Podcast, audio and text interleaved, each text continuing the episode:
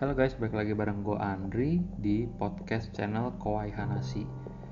Kawaii Hanashi itu dari bahasa Jepang yang artinya adalah cerita seram. Jadi podcast ini sesuai dengan namanya, saya mau menceritakan cerita seram dan menegangkan, baik itu pengalaman pribadi atau cerita yang saya dapatkan dari berbagai macam sumber yang akan saya ceritakan kembali untuk teman-teman. Nah, teman-teman juga bisa membantu mendukung podcast ini dengan cara teman-teman uh, men-share cerita pengalaman mistis yang pernah teman-teman alami.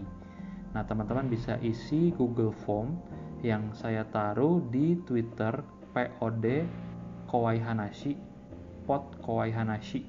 Nah, di sana sudah ada link Google Form di mana teman-teman bisa men-share cerita dan pengalaman teman-teman.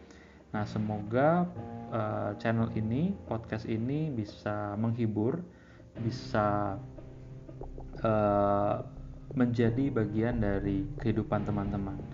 Sampai jumpa di episode selanjutnya. Bye bye.